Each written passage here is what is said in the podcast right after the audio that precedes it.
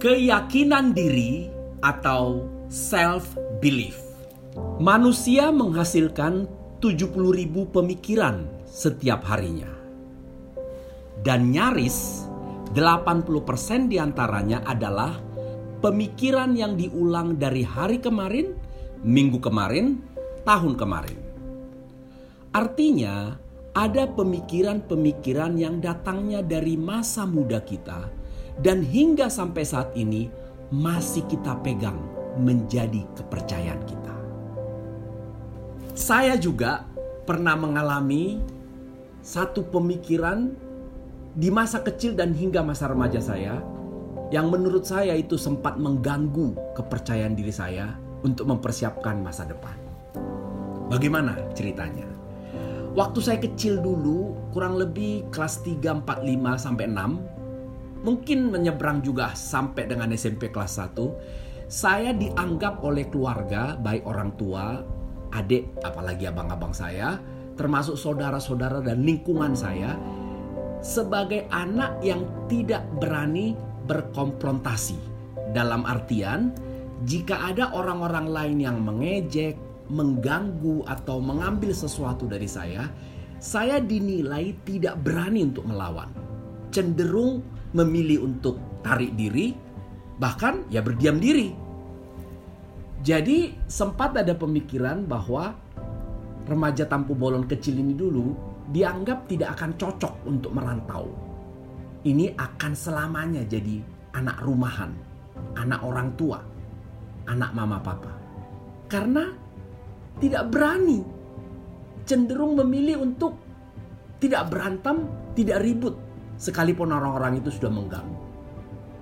Itu adalah pemikiran masa kecil saya. Menariknya, opini mengenai diri saya di rumah, di lingkungan, di saudara, justru berbeda jauh dengan opini guru-guru saya waktu SD dan SMP. Hal yang terjadi malah sebaliknya. Guru-guru saya itu sangat memberi saya kepercayaan penuh untuk memimpin di sekolah. Awal-awalnya jadi wakil ketua kelas, kemudian jadi ketua kelas, bahkan memimpin kegiatan seni, paduan suara, dan lain-lain.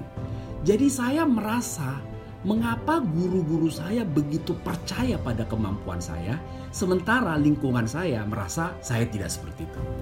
Saya bergumul dan akhirnya saya melihat lebih baik saya fokus pada pendapat orang yang baik mengenai diri saya. Bukan berarti saya nggak memperhatikan pendapat yang sebaliknya, tapi saya memperbesar semangat saya karena saya lihat masih banyak orang yang melihat sisi-sisi yang kuat dari diri saya. Dan itulah titik balik kehidupan saya ketika saya memutuskan untuk merantau keluar dari kampung halaman di usia yang sangat muda belia yaitu SMP kelas 3. Sementara abang-abang saya mulai merantau justru setelah lulus SMA. Tidak mudah memang buat orang tua, tetapi tidak ada pilihan karena memang saya sudah bilang memang tidak mudah, tapi memang uh, eh, tanpa saya sadari keputusan saya untuk merantau lebih awal telah membentuk saya di perantauan menjadi seseorang yang lebih berani, mandiri dan tentu saja itu menjadi karakter dan juga keyakinan diri saya hingga saat ini. Dari pengalaman masa kecil itu, saya jadi sadar bahwa sebenarnya saya sendiri yang membuat kekangan itu di awalnya, dan saya sendiri pula yang memutuskan untuk keluar dari kekangan itu. Jadi, saya percaya segalanya bermula dari kita dan saya yakin tidak sedikit dari kita yang pernah ditertawakan saat maju ke depan kelas dan sampai tua merasa dirinya tidak bisa presentasi. Atau malu untuk memulai kembali berkenalan dengan orang baru karena pernah mendapat penolakan. Karena begitu seringnya kita mengulang pemikiran-pemikiran hasil dari ketidakberhasilan kita, kita jadi percaya bahwa mungkin memang kita tidak cukup baik. Hal ini akan menghambat diri kita untuk mau menerima tantangan. Jadi, terlalu nyaman hidup di dalam rasa takut, kita tidak akan mudah untuk berubah.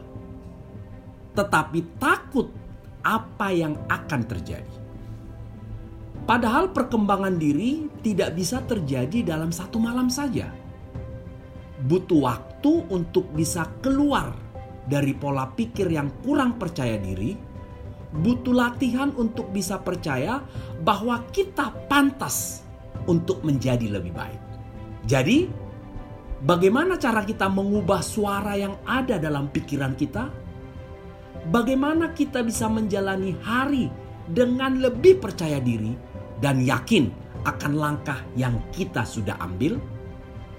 Teman-teman, inilah dia 5 tips untuk membangun kepercayaan diri atau self belief. Tips pertama, perhatikan apa yang saat ini Anda selalu katakan kepada diri Anda. Untuk bisa menyelesaikan sebuah masalah, kita harus mengerti dan mengakui dulu apa masalah kita. Kurang percaya diri itu banyak faktornya. Cobalah duduk dan renungkan apa yang Anda remehkan mengenai diri Anda apa yang membuat Anda merasa tidak yakin bahwa Anda bisa berubah? Apa yang sering Anda ucapkan ke diri Anda setiap Anda mengambil sebuah tantangan? Sepertinya saya tidak akan bisa menyelesaikan hal tersebut. Saya kan lemot, gak akan bisa saya lari sepanjang 5 km. Kan saya orangnya lemah. Saya kan gak akan bisa menarik. Karena saya gak menarik memang. Apakah hal-hal itu yang sering Anda ucapkan? Setelah Anda menemukan kalimat-kalimat itu, lanjut ke tips kedua. Mulai memilih kalimat-kalimat dan pemikiran-pemikiran baru yang Anda mau percaya. Apa harapan Anda untuk diri Anda? Bagaimana sebenarnya jati diri Anda yang Anda harapkan? Lebih mudahnya, Coba Anda kebalikan dari kalimat dari poin pertama. Misalnya, saya pinter dan saya mau mengikuti proses belajar walaupun pelan-pelan. Saya menarik. Saya bisa menjadi orang yang punya banyak teman. Saya kuat. Tubuh saya bisa diajak olahraga. Mengapa kita butuh mencari kata-kata itu? Karena kita harus tahu apa yang kita mau raih. Jika sudah, mari bergerak ke tips ketiga. Cari bukti untuk pemikiran-pemikiran baru Anda. Langkah ini terasa sulit namun bisa Anda lakukan perlahan-lahan. Jika Anda mau percaya, Anda harus memberi diri Anda bukti nyata. Lakukan goals-goals kecil setiap harinya untuk mencapai pemikiran baru yang Anda buat dari poin sebelumnya. Saya pinter. Saya yakin bahwa saya mampu untuk menjadi lebih kuat.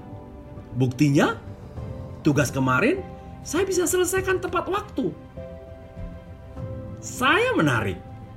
Saya ingat pernah ada orang yang nyambung ngobrol dengan saya. Artinya, saya yakin bahwa saya sanggup untuk menjadi teman baru mereka. Hari ini saya berhasil berjalan sepanjang satu kilometer. Saya yakin tubuh saya bisa lebih kuat hari demi hari. Tips keempat, ulang pemikiran baru setiap Anda menemukan bukti-bukti baru. Sedikit-sedikit, lama-lama jadi bukit. Itu adalah pepatah yang sangat baik. Semakin banyak bukti yang Anda kumpulkan, semakin besarlah potensi kepercayaan diri Anda akan meningkat. Setiap harinya, temukan hal yang bisa membuat Anda merasa senang dan berharga. Sukacita Anda bisa membuat Anda menjalani hari jauh lebih bersemangat.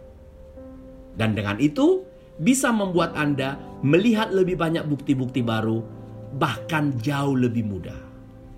Tips kelima, ulang terus hingga Anda sungguh percaya.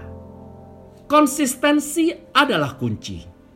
Biasakan diri Anda meyakinkan diri dengan pikiran-pikiran optimis yang juga realistis.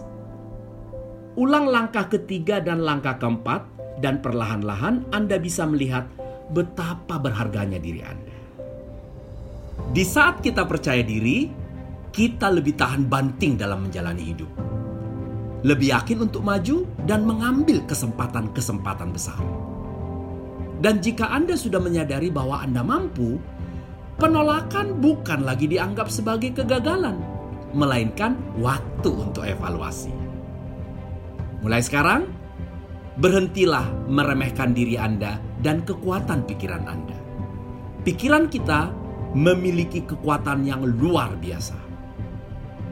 Di saat Anda yakin Anda bisa merubah hidup Anda, semesta akan mendukung.